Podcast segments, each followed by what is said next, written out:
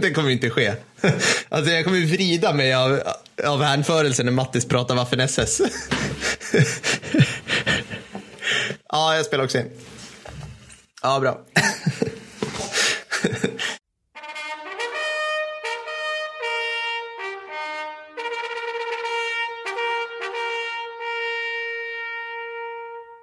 Hej och varmt välkomna till det här avsnittet, det fina sjätte utav Krigshistoriepodden. Hej Mattis! Tjena för.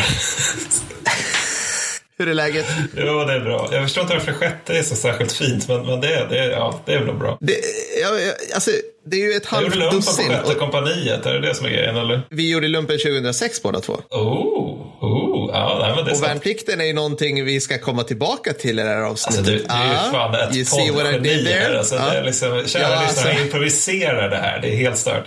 Det här är magi. Det här är varför vi är poddmiljonärer. Ja, precis. Jag körde till studion idag i min fjärde Maserati för den här veckan. Så är det. Bara man gör några, gör några avsnitt så kommer pengarna rulla in. Precis. Precis. Efter förra avsnittets hejdlösa svamlande så ska vi bli konkreta, eller hur? Ja, Vi ska nämligen anstränga oss lite extra för att förnärma er idag, har vi tänkt. Eller hur, Mattis? Vad är det vi ska prata om? Ja, eller alltså idag så ska vi prata om eh, överskattade förband i mitt fall och arméer i ditt fall. Alltså överskattade militära enheter, så även militära organisationer skulle man nog kunna säga. Ja. Och jag vet inte, jag, jag tror jag nämnde det för slutet av förra avsnittet, men det är ju liksom, vi, vi, vi är ju liksom verkligen podden Kärringen motvalls. Liksom. Men, Ja. men den, den, här, den här gången så tänker jag att du kommer ju stöta dig med, med alla farbröder liksom, som du skulle prata om. Eftersom jag ska prata om eh, hur överskattat eh, Sveriges krigsmakt under kalla kriget är. Ja, precis. Medan Mm. jag tror jag stöter mig med, jag vet inte riktigt, alltså dels kommer jag nog stöta mig lite med så här, typ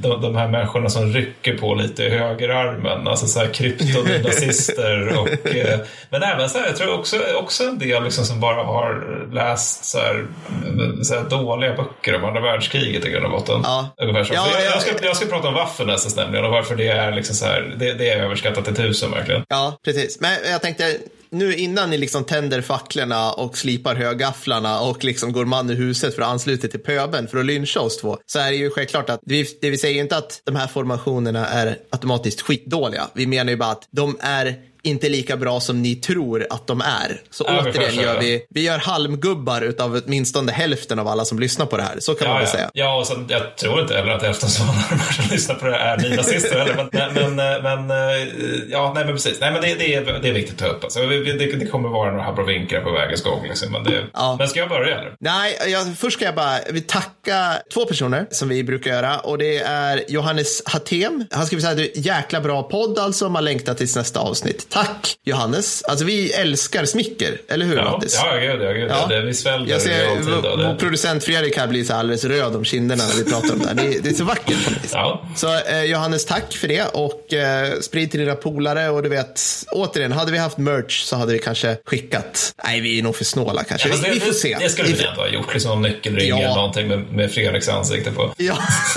ja, precis. Det ska bara vara Fredrik. Ja, Allt. precis. Om vi skickar ut det. och eh, sen också att vi försöker ju, så att säga, jag höll på att säga sänka oss till lyssnarnas nivå.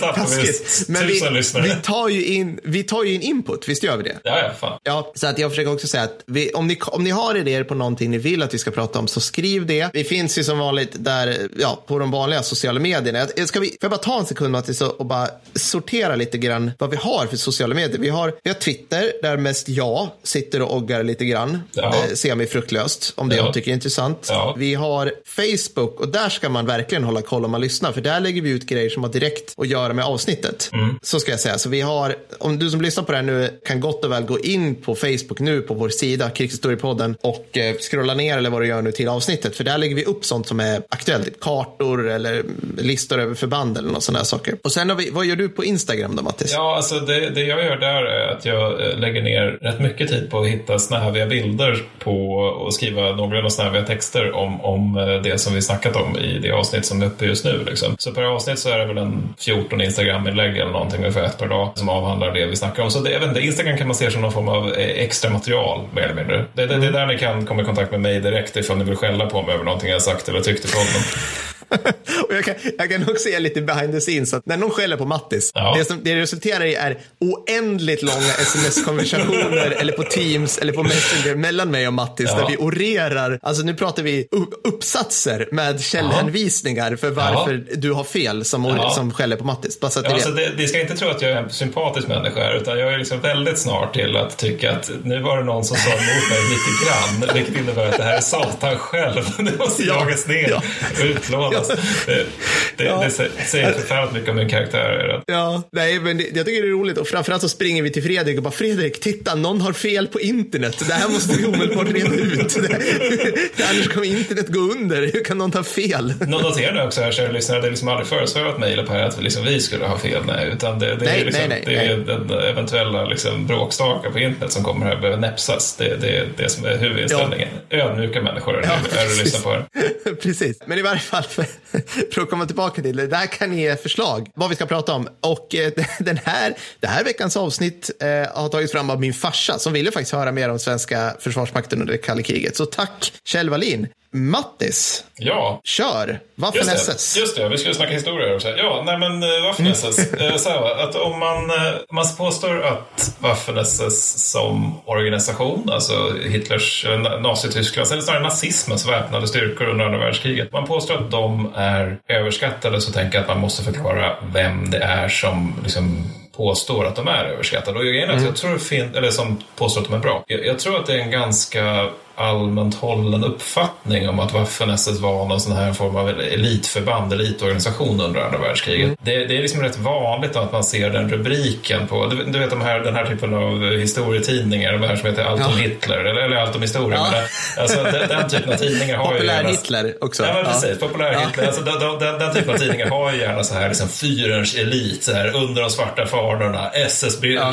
pansardivisioner till anfall, allt sånt där. Och sen så är det förstås den här typen av liksom, kalanka historia som History Channel och sådär. De, de har ju, de, alltså, mellan avsnitten som handlar om varför utomjordingar hjälpte till att bygga typ Sveriges, Stockholms riksdagshus. Mellan Ja. de avsnitten så hittar man liksom alltid någonting som om SS Hitlerjugend, liksom elitens elit inom, inom, eh, inom Nazityskland. Men sen även finns det en hel del historiker av facket som har sagt att det här, är, det här var så sjukt bra. Det här var otroligt. Mm. Här liksom huvud och axlar över den reguljära armén. Då har man till exempel eh, Norman Davids som är liksom, jag tror han är professor i historia. Så att han är liksom inte någon så här bara, det är liksom inte knoll och tott som är ute och vandrar i skogen Nej, och pratar nej. om krig. Utan, utan det är ändå en ganska kvalificerad historiker som tycker att ja, men om man ska utnämna någonting inom tyska krigsmakten som var bra så var det Waffen-SS. Ja. Och sen så Ja, typ ja, ja. Ernst- Nolte också som är en tysk historiker som beskrev Waffen-SS som, som, eh, vad var han sa, han kallade dem för krigsguden Mars sista söner. Vilket är lite väl svärmiskt för mig om man tänker på att de här återigen var ju här nazistpakt i väldigt stor del. Som,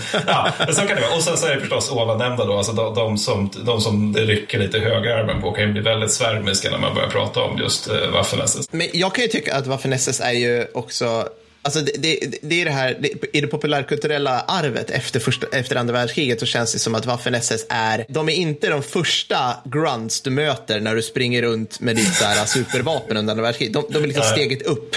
Ja, alltså det, det, är så, det är så tacksamt för liksom alla, alltså Hollywood och allting, liksom att säga så här, ja men det här är Waffen-SS, det är, liksom, det är vassare. För du, du kan liksom inte, det är som att Wehrmacht, dåtidens typ främsta krigsmakt, stridande Ja. förband, de duger inte inom, inom citationstecken. Liksom. Nej men precis. Så eh, Nej, men det, det, det är nog det är så lite tv-spelifiering av, av Ja. historien. Liksom att man, man, man har liksom tjecka amerikanska luftburna soldater som de börjar med att möta vanliga lansers. Liksom. Och sen så Mm. när det har gått någon timme då, då shit också, här kommer Frunsberg-divisionen sättandes. Eller Götzform ja. Lischinger eller några av de jävla omöjliga namnen som de kallar sig Ja. själva.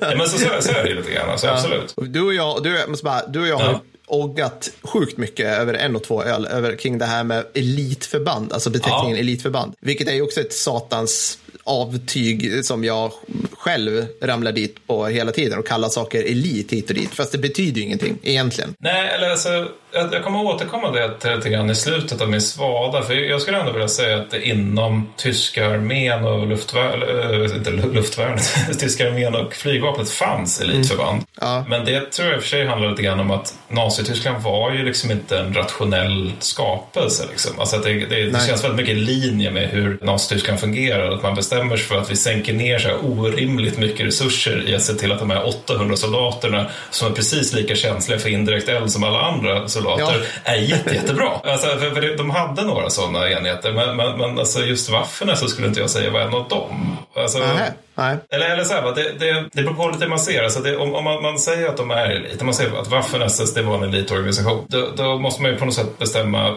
var och när och hur och vilka. För det är ju ändå krig mellan 39 och 45 och Waffen SS utvecklas ganska mycket under den tiden. Alltså om man ser till mm. deras insatser i Polen och Frankrike fälttågen, det är definitivt ingen militär elit där. Tvärtom så blir de utskällda av armén hela tiden för att de, de är liksom mm. dåliga taktiskt och tar onödigt mm. höga förluster och liksom bara gör så dumheter. Och, alltså, vanliga arméförband tycker att de amatörer vid det laget. Sen kan man ju säga att de var en politisk elit. I varje fall var det tänkt som att det skulle vara det i framtiden. Mm. Alltså att när, när de tyska eller nazisterna tänkt sig lite grann som att liksom när vi har mördat alla judar och slaver och vi har eh, livsrum i Östeuropa, eh, då, då kommer det ju vara liksom SS-borgar mer eller mindre som styr liksom det lilla som är kvar av den slaviska rasen som man uttryckte saken. Så att de var ju tänkta ah, okay. som liksom en, militär, en politisk elit för framtiden. Men det är ju inte det man säger när man pratar om, eller tänker när man säger fyrens elit. Då tänker man ju snarare liksom att de var på något sätt snävigare än Her.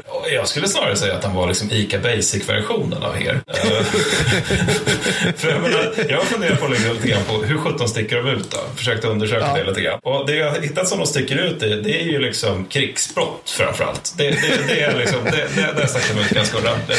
Har... Hellre ökända än okända.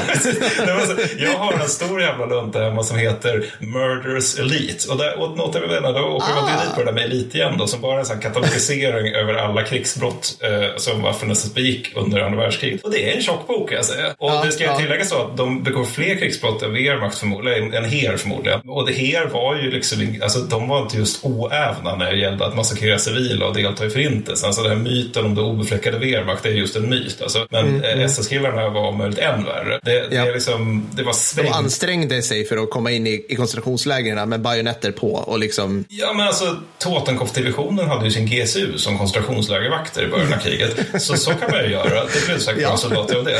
Och sen så har man ju liksom det här med också att, nej men alltså att det, var, det var mer eller mindre svängdörrar mellan Waffen-SS antipartisanverksamhet, vilket antipartisan i mm, liksom, nazistisk terminologi, det betyder i praktiken så anti de som bor på det här området som var ockuperat. Mm. När det står liksom mm. bandenkampf i, alltså banditbekämpning i, i tyska rapporter, då är det alltid så här, ja vi brände alla de här byarna, dödade alla civila, alla barnen.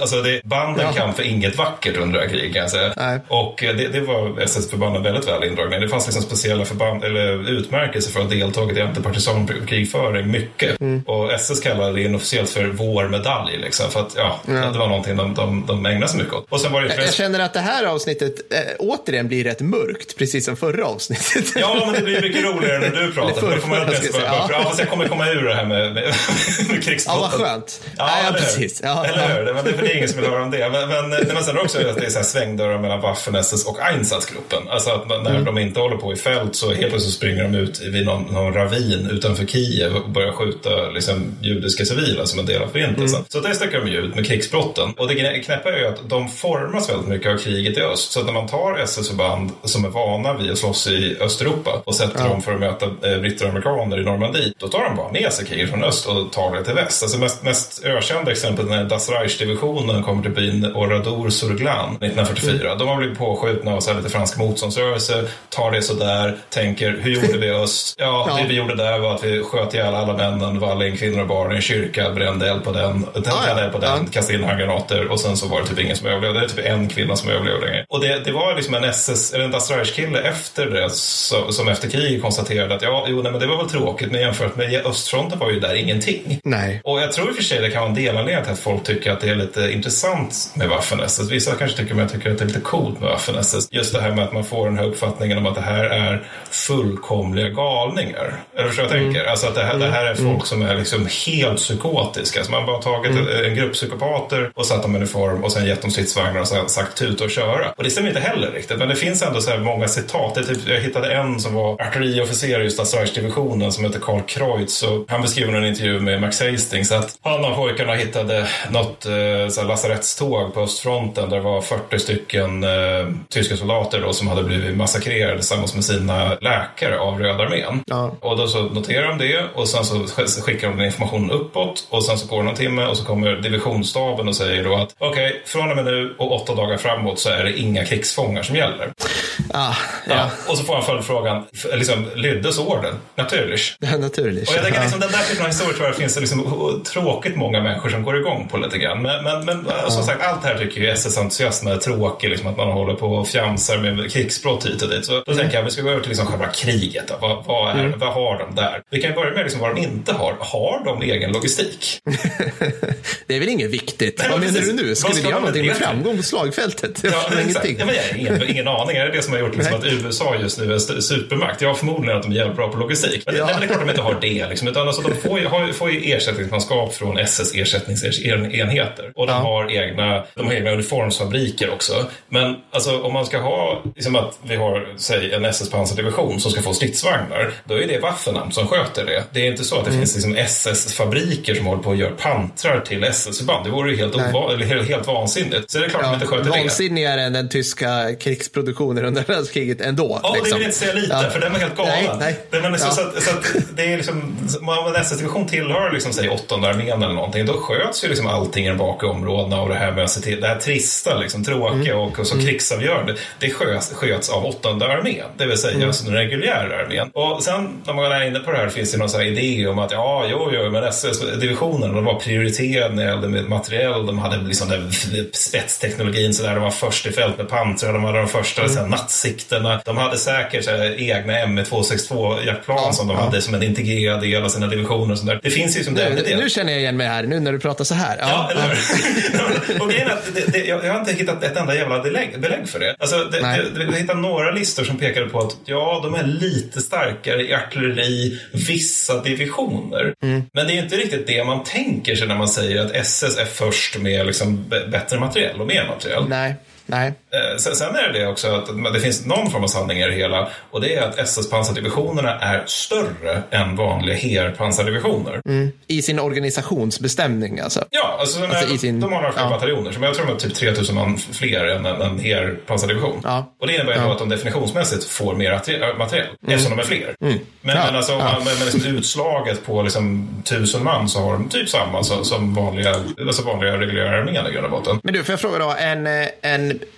en SS-infanteridivision är precis lika tråkig som en HER-infanteridivision, det vill säga mycket, mycket fler hästar än man tror, mycket, mycket mer marscherande. Ja, nej men absolut. Alltså, ja, det är precis liksom... Ja, nej, men alltså, som... tyskarna hade något som de kallar för Schnelldivisionen och det är alltså typ snabba divisioner. Det är mm. pansar, motoriserade och pansargrenadjärer tror jag det är. Ja, lyssna får mm. mig om jag minns fel här. Men, men det, det, är liksom som att det är en egen kategori liksom. Och, och men, mm. men, vanligt så här, alltså SS-infanteri, det, det, är inte en Schnelldivision. Det, det är liksom som nej. du säger. De springer runt med sina kabin 98. De har sina MG42, de har sina granatkastare. Men det är liksom inte så mycket mer än det. De har snyggare uniformer. Det kanske är det som är grejen. Mm.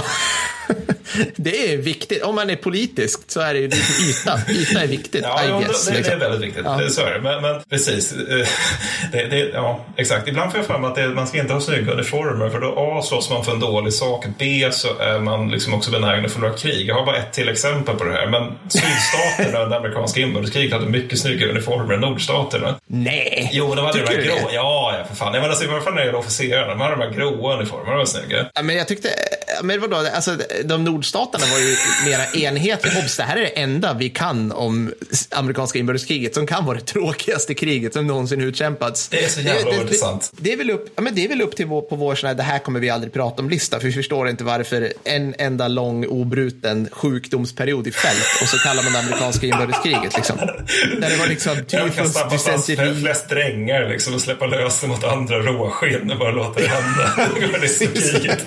Nej, nej, men, precis, nu ska vi inte prata om det som en liten passus här. Men, det, men, ja, nej, men visst. Det, det, men jag gillar ändå deras... Alltså, det, det är ingen starkt hållen tes och det som det hörs är inte speciellt väl. Men jag får ändå för att de hade lite snyggare uniformer än Nord. ja, ja, vi lägger det till Halle. Vi säger det. Har man för snygga uniformer slåss man för, för rymdimperiet. Exakt I princip. så. Då är man Exakt ond. så. Ja. Nej, men, sen, men sen så kollar jag i alla fall på lite grann så här, hade de bättre utbildning eller på något sätt annorlunda utbildning än, än armén? Och då är det liksom att ja, alltså de hade mer fokus på ideologi under sina uh, utbildningar förband. Och i alla fall i början av kriget. Mm. Men det är väl knappast, alltså det är snarare tvärtom, att mot att det vore bra. Alltså det, det är ju jättedåligt att slösa bort en massa tid på det. Det snackade vi om i förra Mm. avsnittet, det här med liksom att hur, hur Maos Kina hade investerat jättemycket tid i att utbilda sin armé i hur man tänker rätt kommunistiskt. Och det Ja, gjorde att det liksom precis. blev, gick dåligt när de mötte hemvärn. Eh, och det, är, Mm. liksom- det är ju samma grej här. Det är liksom inget smart att ut, liksom bara indoktrinera soldater. Alltså det finns ju också någon för sig en sån här idé då om att de skulle bli mer fanatiska så att, och att de skulle liksom därmed vara benägna att ta högre förluster. Som Ja. om det vore bra. Jag menar Röda armén tog Ja. jättehöga förluster. Vi har tagit heder och ära av Röda armén. Jag har sett två. Ja.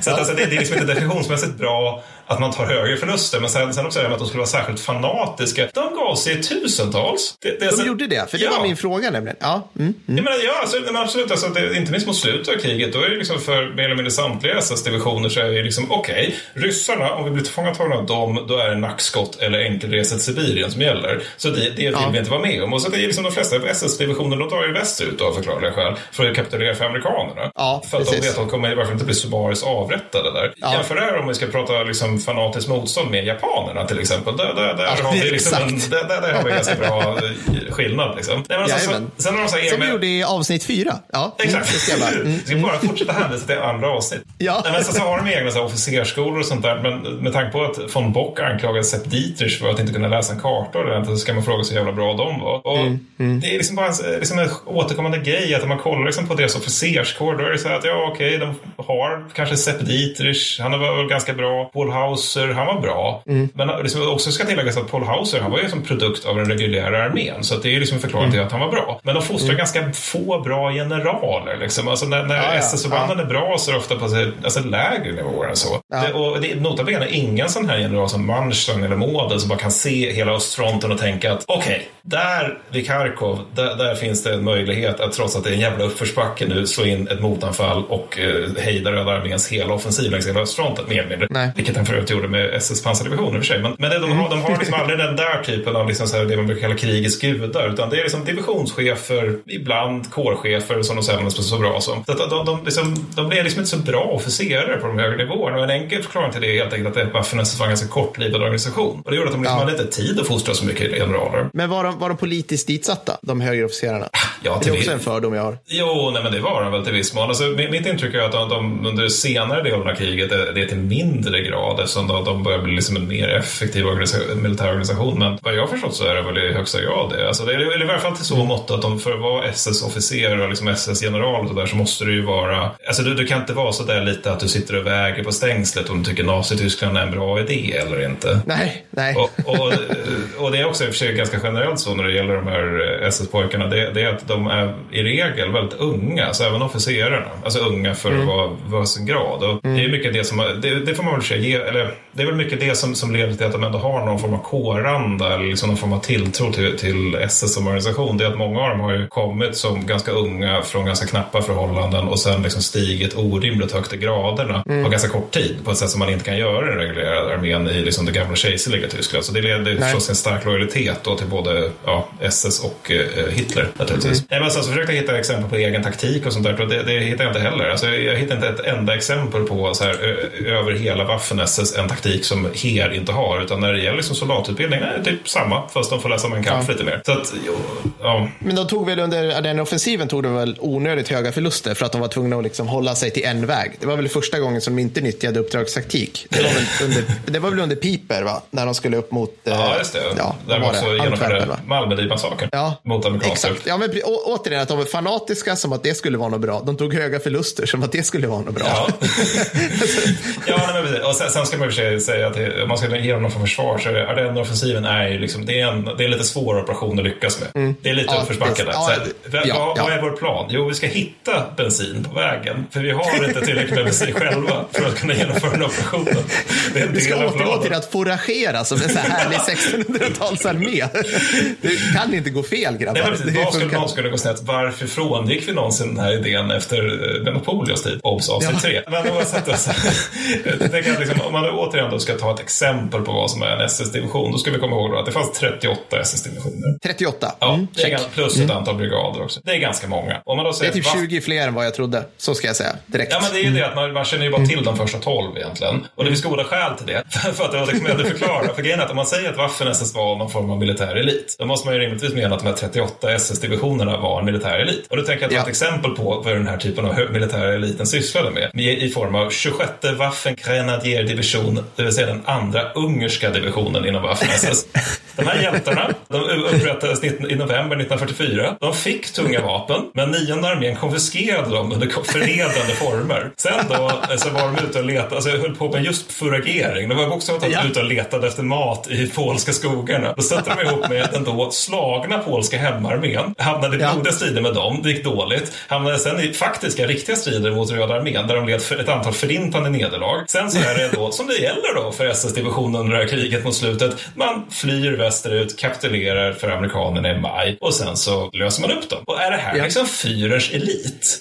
Återigen, de är med i nästan ett halvår av krig. De får pisk av Röda armén, de får bli av med sina tunga vapen för att den reguljära armén säger att ni kan inte hantera det här grabbar, er utbildningsnivå är alldeles för låg för er. Men nu, nu vet jag att jag är tråkig, liksom att jag håller på och bråkar om den här majoriteten av SS-divisioner som var med i Waffen-SS när jag säger att Waffen-SS var, ja. ja, det är helt orimligt. när jag säger att Waffen-SS var överskattat. Så då, för det man menar, det man ofta menar när man säger att Waffen-SS var en elitorganisation, det är ju då de första tolv, de legendariska första ja. tolv. Det, det, det var fan med grejer det. Det var, oj oj vad snälligt det var. Huvud och axlar över allt som armén kunde sätta i fält. Okej, okay, då vill jag påminna mig lite sak. Det är, det är alltså att i de första tolv så återfinns bland annat SS-kavalleridivisionen Florian Geyer. Inte hört talas om. Nej, det finns goda skäl till det. Det var en jävla kavalleridivision. Liksom, vad kan man göra med dem? Alltså på, på riktigt, inte så här mekaniserat kavalleri utan det var, det var hästar. Nej, men det är hästar. Alltså, sen så får ja. de väl liksom, de har ju lite annat också, så de har ju infanteribataljoner. Men, men alltså, ja, det är kavalleri. De, de har pollar. så vad kan man göra med det i det moderna industrikriget? Ja, man kan, man kan rekognosera. Det kan man göra. Och det är väl typ det om man ger försöker sig på mm. faktiska anfall, då, då, blir det inget bra. Liksom, för det är ju sånt man har liksom, pansardivisioner, det vill säga sånt som armén har. Mm. Det som de är mest kända för, det är att de eh, försökte, de deltog ganska entusiastiskt i förintelsen av Europas judar. Så 1941 så ah, ja. Ja, mm. försökte de driva ut en stor judisk befolkning i Pripyat-träsken där de hoppades på att de liksom skulle drunkna. De tyckte att det lät som en härlig idé. Liksom. Sen blev de jättebesvikna ja. när det inte funkade så. Man var tvungen att skjuta de här stackars människorna istället. Och det är liksom det som är det de är mest kända för. Punkt. Okay. Sen också så lyckades de till en kostnad av två döda och 15 sårade. Det här var när de fortfarande var SS-kavalleribrigaden. Så lyckades ja. de till en kostnad av två döda och 15 sårade slå ihjäl 20 000 människor mellan den 30 juli och den 13 augusti 1941. Och om man på något sätt tror att totalt 17 förluster leder till 20, 20 000 förluster, att det skulle vara militära förhållanden det handlar om, då, då har man jävligt fel. Utan det handlar helt enkelt ja. om folkmord. De var ute och krigade, inte, inte ute och krigade, de var ute och folkmördade, vilket är något annat. Så, så det, var, det var alltså vådaskott då, när, när du skulle typ, alltså, avrätta de här byborna kunde skjuta dig själv i foten. Ja, men, när, när, när så håller på med förintelsen så lyckas de ja. snubbla eller någonting. Så här, fullkomligt ja. jävla pack. Sen har vi ja. då så här, fjärde SS-divisionen Polizei. Tycker vi att det ja. låter som liksom Guds bästa barn när man har kombinationen SS och Polizei? Jag skulle säga att det sprutar krigsbrott. ja, och det gjorde det också. Men också så här, så här, inkompetenta i fält. Liksom så här, att de alltid har så här att armén tycker att alltså, de här måste vi ju omutbilda för att de här är så jävla dåliga så det går inte.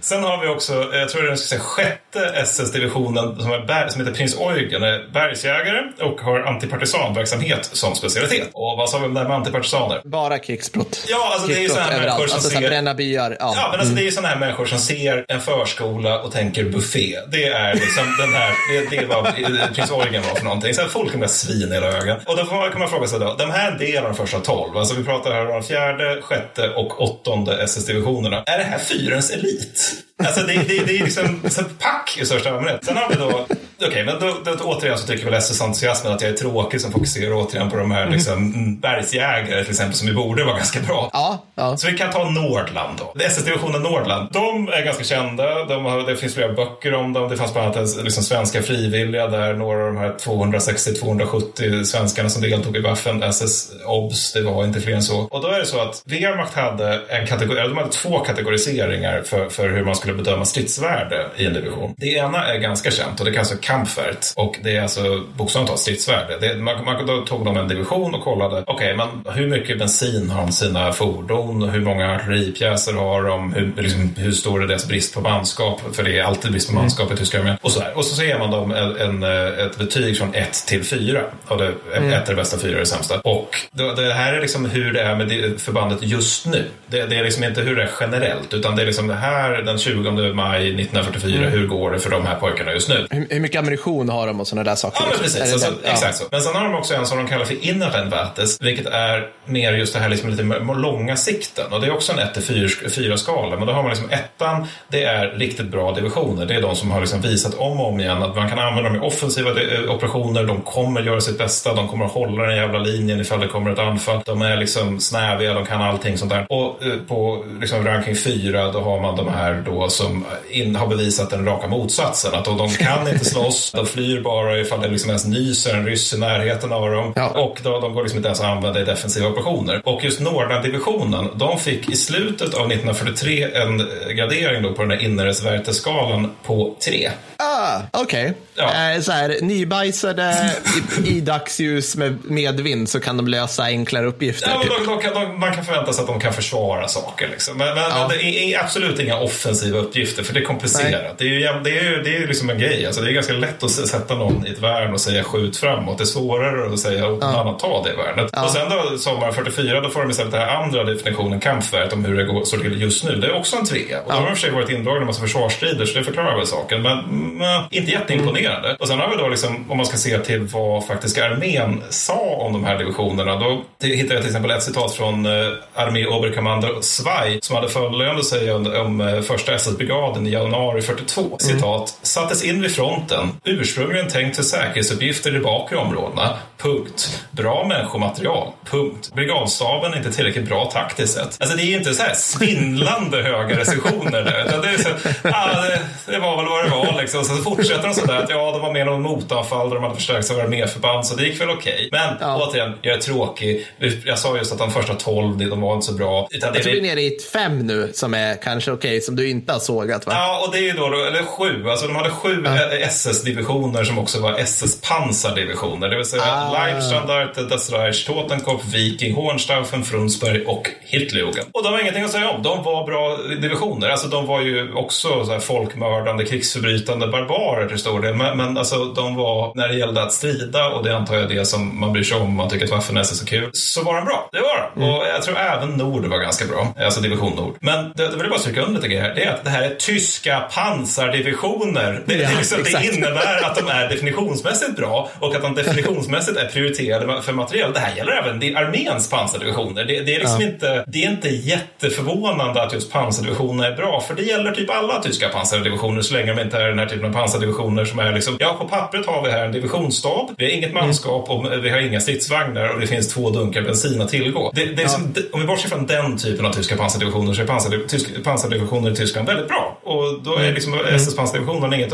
inget undantag. Men även när det gäller det här så är det liksom så att eh, Ers von Manstein i sina memoarer skriver då att han tycker att Totenkopf-divisionen, alltså tredje SS-pansardivisionen, det var den tveklöst bästa tyckte han då. Men han har fortfarande följande att säga om dem. Inget av detta kompenserar för bristerna i utbildning och ledarskap. Divisionen tillfogades onödigt höga förluster eftersom dess soldater inte lärde sig förrän de gick i strid vad arméförband lärt sig att behärska för länge sedan. Dess ja. förluster och brist på erfarenhet gjorde att de ofta missade lovande möjligheter och detta ledde till, onödiga, till att onödiga sidor utkämpades.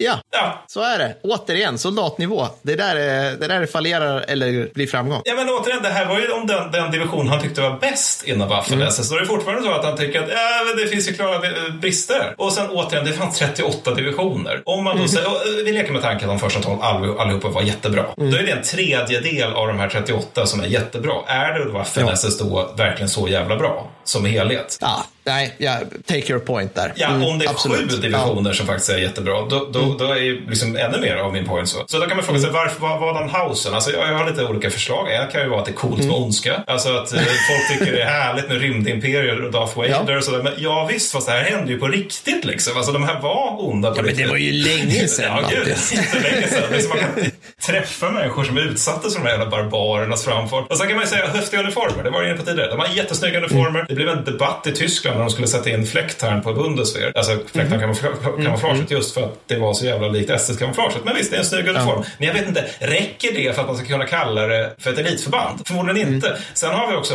liksom, vad som är den förmodliga förklaringen och det är alltså att man under kriget så var nazisterna väldigt noggranna med hela den hypa Waffen-SS över. Ja, kolla, det är liksom brandstyrkan på östfronten, de är så jävla bra. Ja. Och det där är någonting som sen också har svalts i ganska stor del. Det, är alltså, det man inte ska glömma här det är att rätt mycket av den historia som har skrivits de senaste 80 åren andra världskriget har varit framförallt om östfronten antingen vad nazister har sagt eller vad kommunister har sagt om östfronten. Och det, sen så har någon sagt det på fem, det skrivits så på 50-talet. Sen så har någon på 70-talet som inte orkat researcha ordentligt har ta, kollat på en bok på 50-talet sagt att så här var det och sen så liksom rapar man upp missförstånd om och om igen. Ja. Och det leder bland annat till att man liksom har konsekvent övervärderar Waffen-SS och deras insats på slagfältet. Och sen har vi förstås då att en del människor har ju bara en osund syn på nazismen och SS helt Ja, enkelt. ja, Men, precis. bara sista poäng här. Ja. Är du okej med det? Ja. Orkar du det? här? Kör.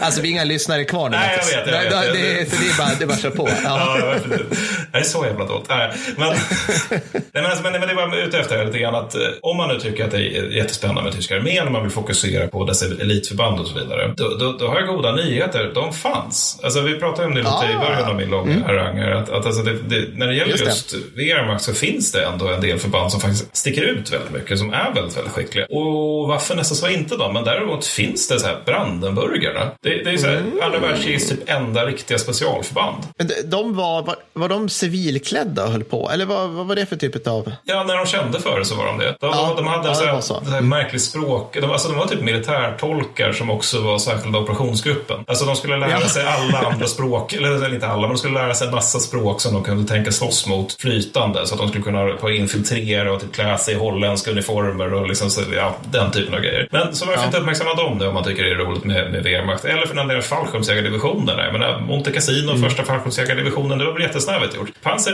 alltså Mm. det finns gott om Grossdeutschland-divisionen för den delen. Det var också en riktigt jäkla bra division och som är konsekvent riktigt bra under hela kriget. Och också är uttryckligen skapad för att vara en militär elit. De fick rekrytera över hela jävla Tyskland bara för att hitta bra manskap. Medan en vanlig Lancer-division är liksom, du får rekrytera från, del, från Bayern för att din division Ja. upprättade Bayern. Medan det. är liksom, ta dem ni vill ha, det kommer bli svinbra. Så det finns liksom militära eliter eh, som stred för Nazityskland som man kan läsa om om man tycker att sånt är roligt. Men, men jag fattar inte grejen med Waffen-SS. Nej, bra. Tack. Nu kan vi allt om Waffen-SS.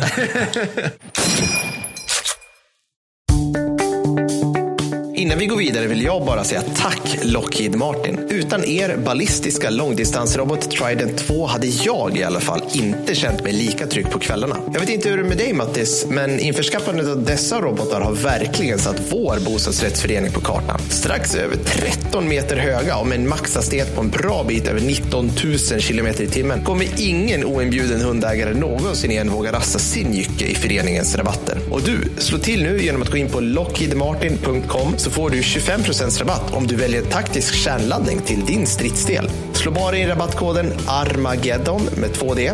Då får vi här på Krishistoriepodden en liten kickback. Tack på förhand.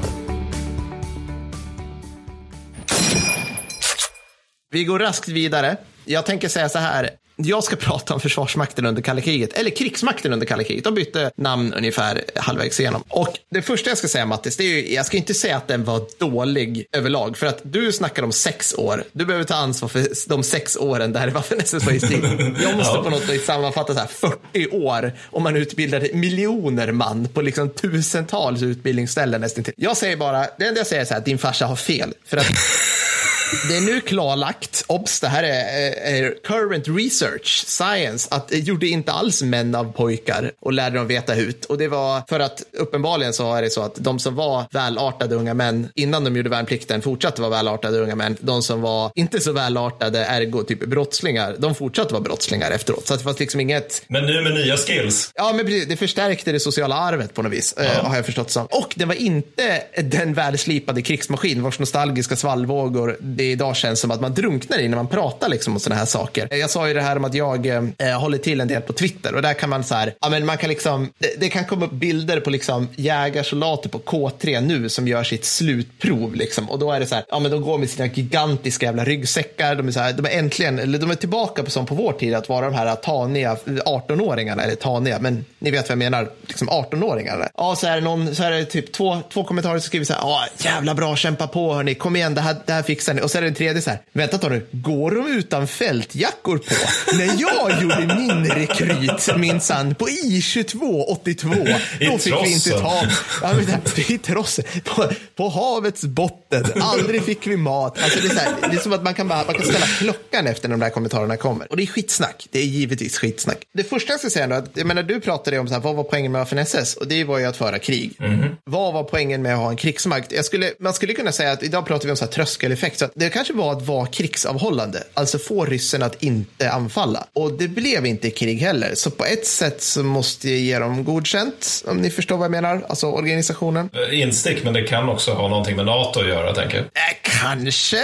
jag, försöker, jag försöker vara snäll här, ja, Mattis. Jag försöker liksom, ja. ja. men några stöttestenar. Om jag, alltså så här, det började inte så jävla bra, för att redan 1948, alltså direkt efter andra världskriget, så tittar man på så här, satan hörni vad bra Tyskland var. Vad var det som gjorde dem så bra? Ja, men då tittar man och så som du sa då, att man rekryterade från samma ställe hela tiden, så att det blev, det blev, det blev förband med hög sammanhållning, där krigsförbanden och fredsförbanden kunde byta befäl och byta erfarenheter under andra världskrigets gång i Tyskland. Alltså. Mm. Det, det, det, har skrivits om det. Och så tog man det till Sverige och så sa man, vi gör precis tvärtom.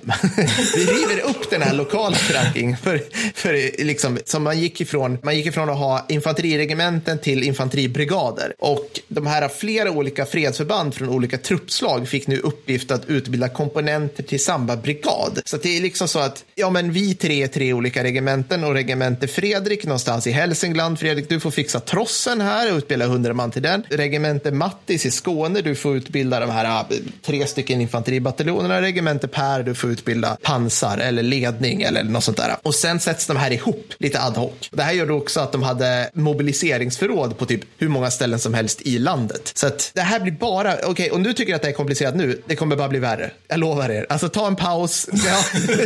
Min fråga är här, är det vi gjorde alltså att vi tog det amerikanska rekryteringssystemet från Vietnamkriget, alltså en av de mest utskällda rekryteringssystemen i världshistorien och tog det då till vår här? Är det korrekt uppfattat? Alltså, nästan, nästan. Liksom, så här var det att när vi, när vi har varit på mission, då skickar vi hela förband till skillnad mot vad amerikanerna gjorde under Vietnamkriget. Men om man, om man tittade på hur det hade blivit när vi hade mobiliserat i Sverige, alltså den stora mobiliseringen, alltså den stora försvaret av landet, då hade det blivit typ så. Så att det, det var rätt idiotiskt att man kastade iväg det, precis det som gjorde tyskarna till sån satans farlig krigförande organisation under världskriget. Och det var bara det man började med. Sen skulle man kunna säga så här också, att man började också med att inte heller titta så mycket på motståndaren. Om du tar så här Mattis, att se, se framför dig nu det svenska pansarvapnet. Tidigt, mm. vi var tidigt ute med det. Vi startade pansarbrigader, oj, oj, oj, vi höll på som fan. Vi hade något som kallades för pansarfördelningen i Skåne under stor del av det kalla kriget. Det var liksom tre, fyra pansarbrigader. Ser framför dig nu Mattis hur fienden har landstigit någonstans här östra Skåne. Mm. Den ryska generalen för det här kliver ur sin T54, hör någonting, mullrar vid horisonten, blir rädd som fan. Ser svenska pansarnäven spränga fram över herdarna liksom, på väg mot dem. Det här kommer, de kommer inte ha en chans. De kommer kasta tillbaka. år på led.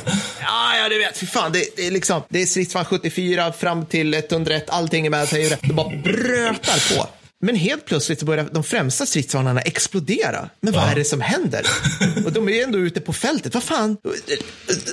Den ryska generalen hör någon, någon form av helikopterljud som kommer. Yes, våra attackhelikoptrar. Fantastiskt. En annan flankerande svensk då, pansarnäve som ska ta ryssen i sidan, börjar helt plötsligt explodera de också när de kommer i närheten av olika typer av skogspartier och lägger in. För vad händer där? Jo, men där ligger ryska robottrupper och pansarvärnspjäser och gör slarvsylta genom sidopansret. Vi lägger upp mitt krigsspel sen på Facebook. På en, jag, gör en, jag gör en paintritning över det här fantastiska anfallet. För vad händer? Jo, för att typ det första man vet, det är ungefär det att ryssarna älskar att jaga stridsvagnar med attackhelikoptrar. Det lärde de sig rätt tidigt, eller attackflyg, det vill säga Sturm och Vikta här. De var tidiga med det under andra världskriget.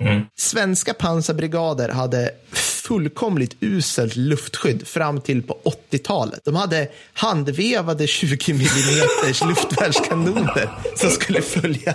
Alltså det var, det var svindåligt. Det var liksom... Du, må- Åsa men här-. Ja, alltså du måste säga Larsson, jag ser någon som flyger där borta.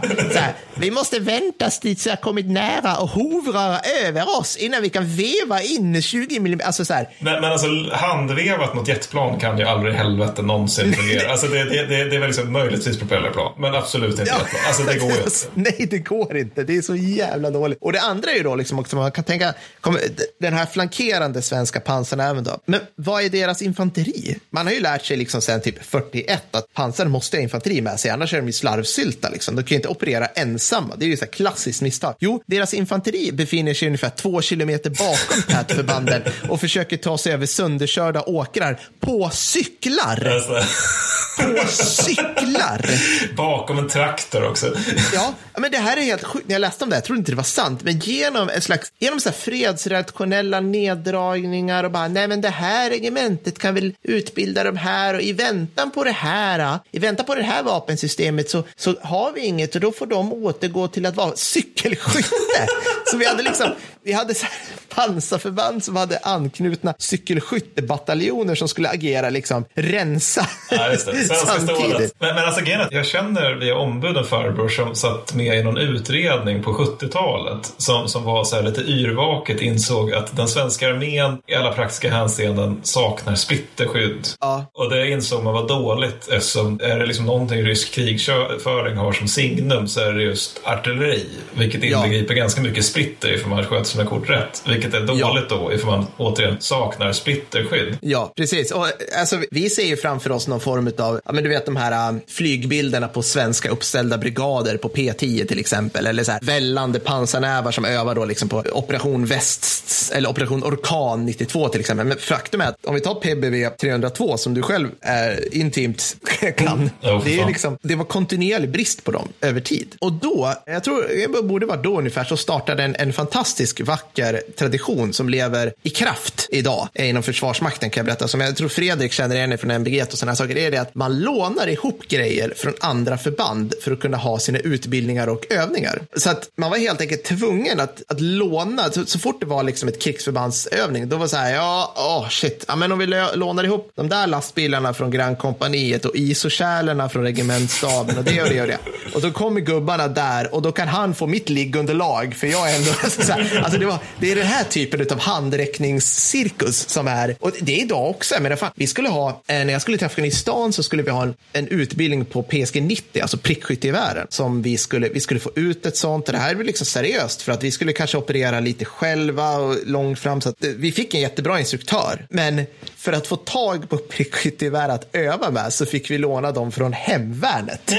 liksom, för att någon kände någon. Så, alltså, det, är så här, det är så jävla, det är Åsa Nisse om något liksom. Så att, Ja, verkligen. Precis, den finns i en lada någonstans. Liksom, och det är bara hemvärnskaptenen som har nyckeln till ladan. Så att då... Ja, men, det, ja, men typ, nej, men alltså hemvärnet, de har, de, har- de har, till och med idag, har alltså prickskyttegevär i sin organisation. Men, men alltså var det inte under BA01 där de ska skicka iväg dem som har typ dammsög alla beredskap, eller eh, vad heter det, mobbförråd över hela Sverige och liksom då Ja. kunde få ihop materiell så att det var liksom värdigt en bataljon som faktiskt skulle komma i strid. Ja, men precis. Och det här tycker jag, det här, det här ska jag komma till också, men jag kan ta det nu. Det är det här att vi tänker oss att när, det väl, när, vi, när de här väl ska göra någonting så måste den här otroliga materiella möjligheterna som krigsmakten då hade med sig kunna göra att vi kan sätta in folk, liksom, att det finns folk att ta, ta av. Men som du sa där, liksom BA01 vet jag, de fick ju köpa in en hektar helt vanliga, jag tror det var pickisar eller om det var Toyota Hilux, Mm. för att kunna genomföra normal verksamhet där nere. Vi, bara, vi har inga vanliga fordon, allting är så specialbyggda, liksom kabbade pansarvärnspjäs bil 308 eller vad fan de kan heta. Liksom. Så att,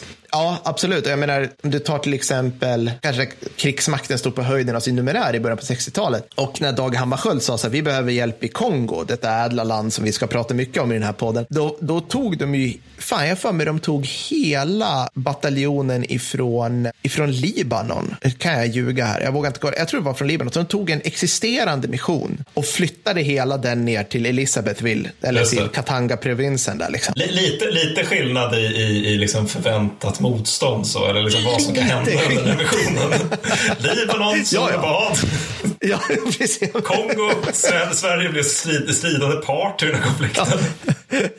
Folkmord, spigklubbor, kannibaler. Liksom det, här, Tunna det mörkaste, det, har luftherravälde. ja, det mörkaste Tintin-numret någonsin. Liksom. liksom. och, och där ska vi också säga liksom att de gick också i strid med liksom lågskor, kortärmad skjorta och shorts och k-pistar som du är skottsäker mot om du står på 100 meter iförd en, en läderjacka mot FN Fall-beväpnade liksom, Åh. gendarmer. Alltså, och, och åkte runt i KP-bilar. Det var det bästa vi kunde prestera. KP-bilar som ser ut som en sån här hopsnickrade Make a Tank från Tjeckien 39. Alltså så här, kom igen. Det Jag är det ser liksom- väldigt mycket som de här som typ, alltså persmerga och de där, alltså de här hemmagjorda pansarskyttefordonen som, som man har haft i Syrien nu under Ja, kriget. exakt. KP-bilar, OBS, som var i bruk på P18 på Gotland fram till så här 2000. Alltså det, det, det är liksom patetiskt det här. Det alltså, ju mer man läser, jag är ledsen alltså, det, det är så himla mycket sånt här. Liksom. Men jag måste fråga, all- jag måste bara Ja. fråga. För, för att det du beskriver här är ju liksom en skriande brist på materiell, alltså framförallt Mm. för arméns del då. Men mitt intryck är ändå att vi, vi kan vara felaktigt, men, men är att vi ändå spenderade ganska mycket pengar på vår krigsmakt och försvarsmakt med gement F på den tiden. Ja, mm. Så, men, så hur är det här möjligt? Var det att vi hade liksom för mycket folk att ekipera eller var det att allting gick till flygvapnet? Eller vad, vad var det liksom? ja si- sistnämnda i princip. Ja. Alltså, flygvapnet åt den allra största delen av, av försvarskakan under hela tiden. Sen ska man också säga att så här, från försvarsbeslut 68 så rustar vi ner rätt drastiskt. Det. Det, idag tycker vi att det är fjantigt, för vi gick ifrån så här, då gick man ifrån 38 infanteribrigader till 32.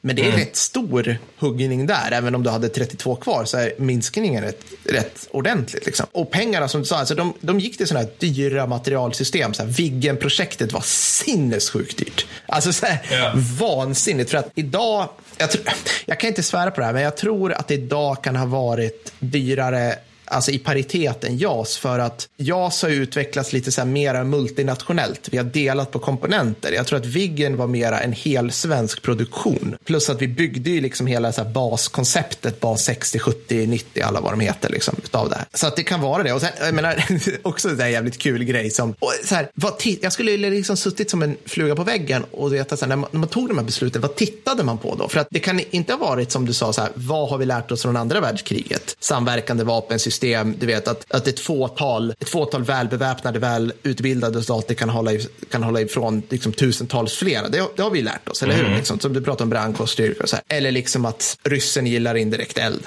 Inte heller det liksom. Så då, då, kan man, men då har de tagit sådana här äh, helt sjuka grejer och det här nu citerar att vi ska satsa på ett större antal mindre tekniskt högstående system i armén. Alltså, Ja, just det betyder att du ger folk skit, Ja, ja. fast bara mer utav det.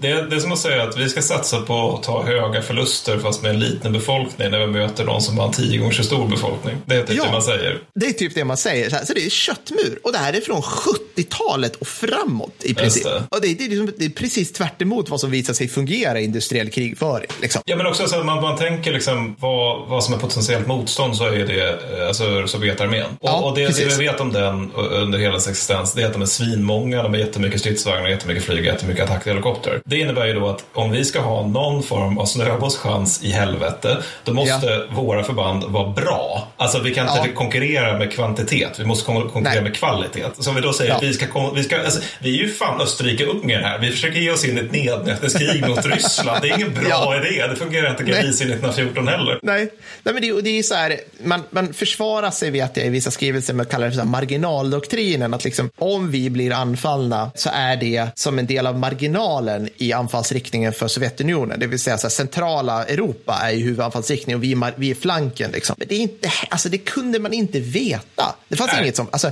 det fanns, och det vet vi liksom idag också. Att så här, det, nej, det, det, var kört. Liksom.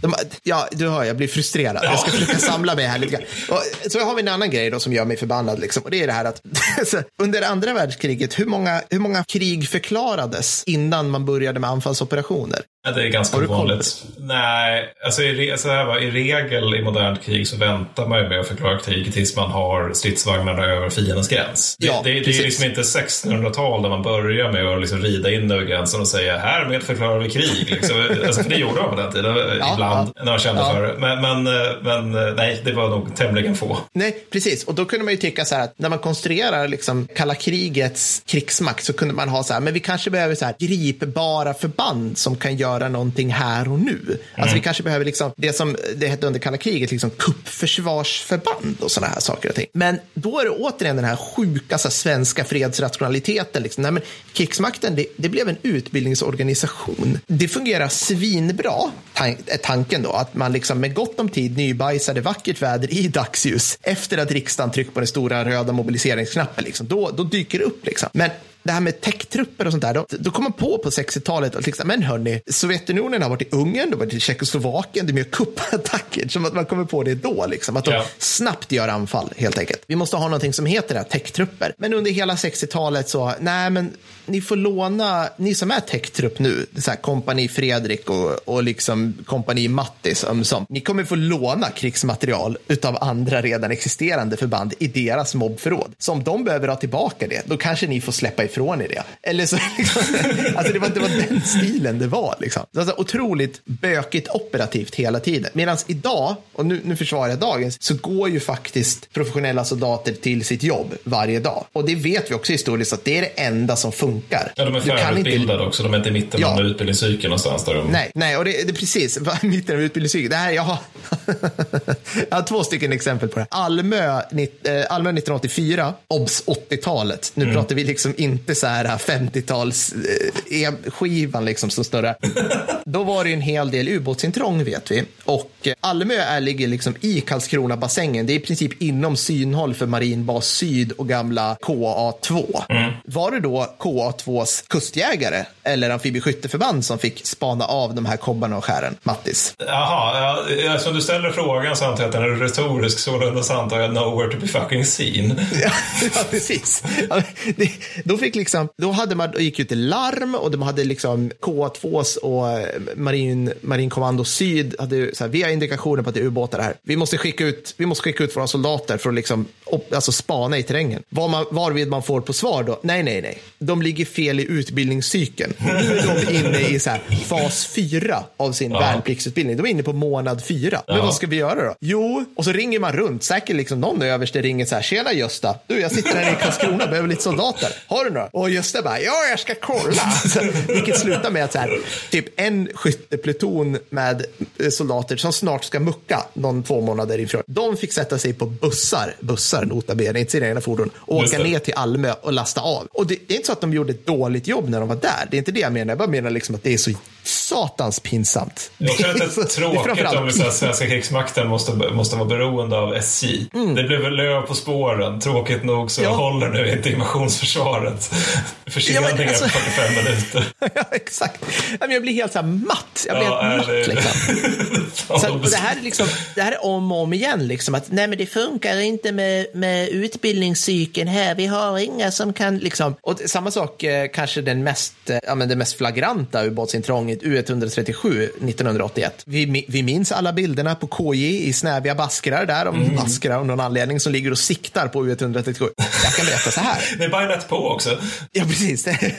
Väldigt viktigt. Eh, de ville absolut, alltså marinledningen ville inte ha KJ, utan det var fallskärmsjägarna som var experter på det här stormningsförfarandet. Men återigen, fallskärmsjägarna låg i fel utbildningscykel för att krigsmakten var en utbildningsorganisation. Så att det är så himla sjukt det här liksom hur man kunde, alltså det, var, det, det är sådana såna djupa hål i hur man tänkte hela tiden här. En grej till också, nu, jag tror säkert att många som lyssnar på det här och tänker liksom, ja, men Per, ha, vi vet ju alla hur trattigt det var. Vi har ju sett repmånad. Jag menar, mm. kolla in de här. Ha, Janne Loffe Karlsson som super på någon sån här äh, stadshotell och krökar och så här. Det var ju så det var. Nej, nej, nej, jag kan berätta för er. I verkligheten så var Janne Loffe Karlsson och hans tolvtältsgäng de var fan i mig toppsoldater. Varför? för, de, för de dök upp. De dök upp. De kom på sin KFÖ. De åkte in på sitt repmöte. Just det. Fattar ni? Alltså, Fan, de, Karolineranda och det alltså.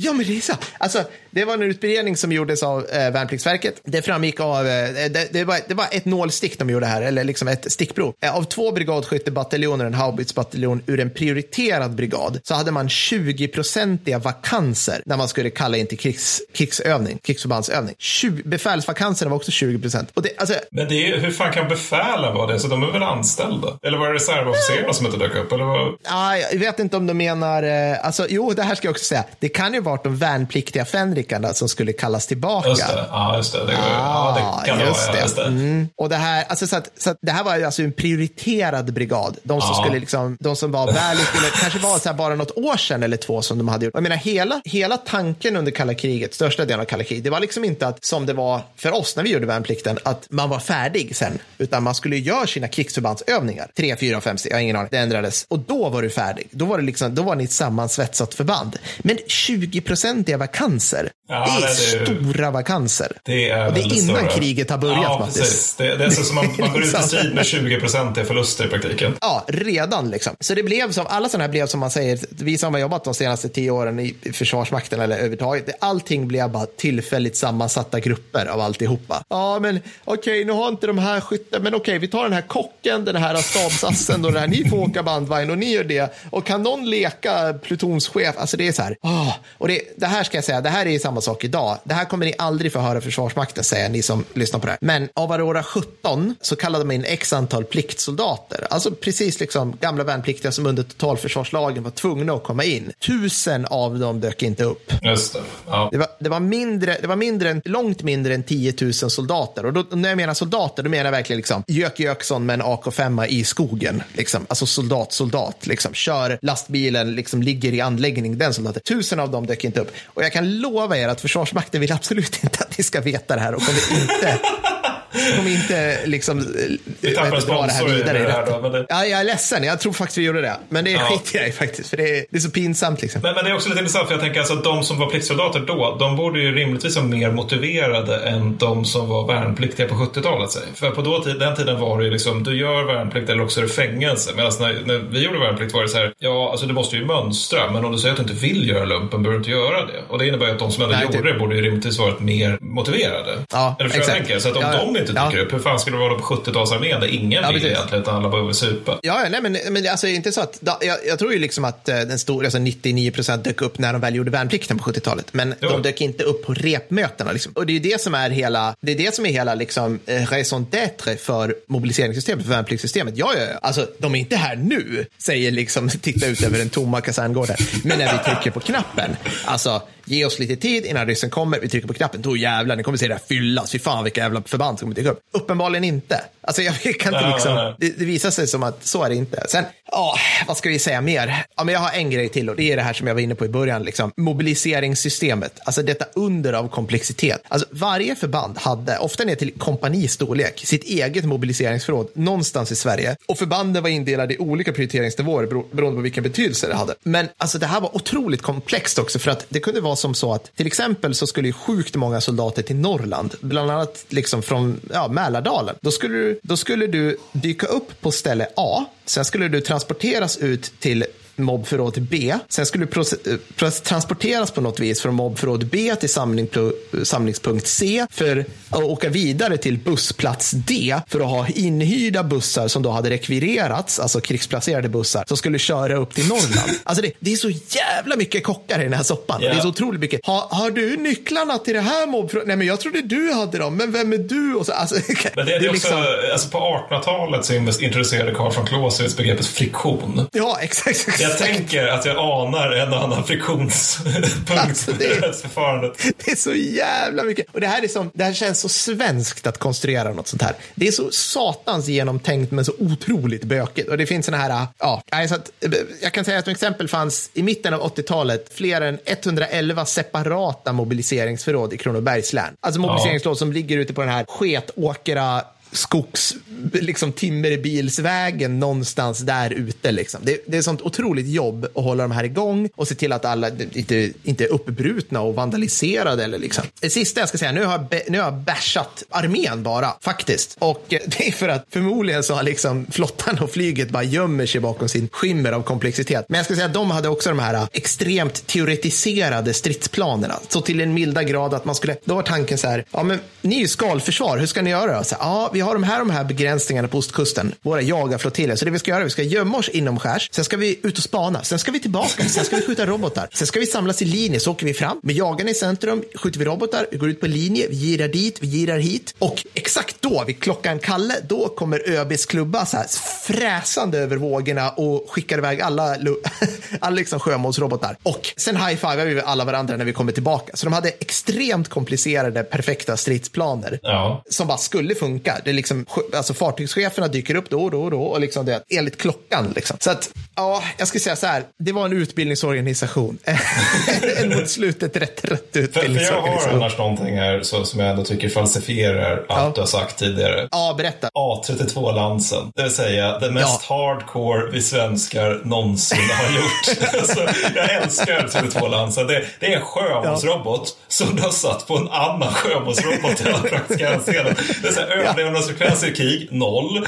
Alltså dödsrisk ja. i fred, enorm eftersom de körde som ja. det vore krig. Det, det, ja, det, det, är bara, det är bara så galet. Sen också det här att det är ett av många svenska förband under den här tiden som liksom när de, man funderar på hur kommer det gå ifall det blir skarpt. Och så bara, ja men alla kommer dö. För, för det, det, är som, det är samma grej för typ attackdykarna. Att de bara ska in på fiendens territorium och sen ska de vara mm. som de här japanska självmordsfallskärmsjägarna från andra ja. världskriget. Och bara förstör allt av vädret, säljer liv dyrt ingen kommer att hämta er. Och kustjägarna var väl också typ så, liksom, att ni kommer ja. bara kringrända på några kobbar ute i skärgården och sen, ja, sen svälter ni väl ihjäl där ute. Alltså det är, det är ganska ja. många svenska förband som har så här, krigsuppgiften är att ta så många mer som möjligt och sen dö. Ja, men det, det är lite så. Alltså, ledningen var ju usel. Alltså, men det fanns ju en helt bysantisk jävla ledning långt in på 70-talet över liksom, ja nej men ÖB, alltså ÖB fanns ju för övrigt inte förrän liksom, jag minns inte, 50-talet någonstans. Utan det var liksom, den här staben skulle prata med den där fördelning och de var underställda dem, fast egentligen inte. Liksom. Vi pratar ju mycket om det här fina liksom, som vi saknar idag, värnförsvar eller så här, värndrift och, och liksom, vi hade en massa sådana grejer. Men allt det där ska ju ledas på något mm. vis. Alla de ska ha mat och, br och bränsle och, och sådana här saker. Det är, det är en jävla, det är en soppa, så kan jag säga. Och då har vi inte ens börjat prata om officersbristen och det här sjuka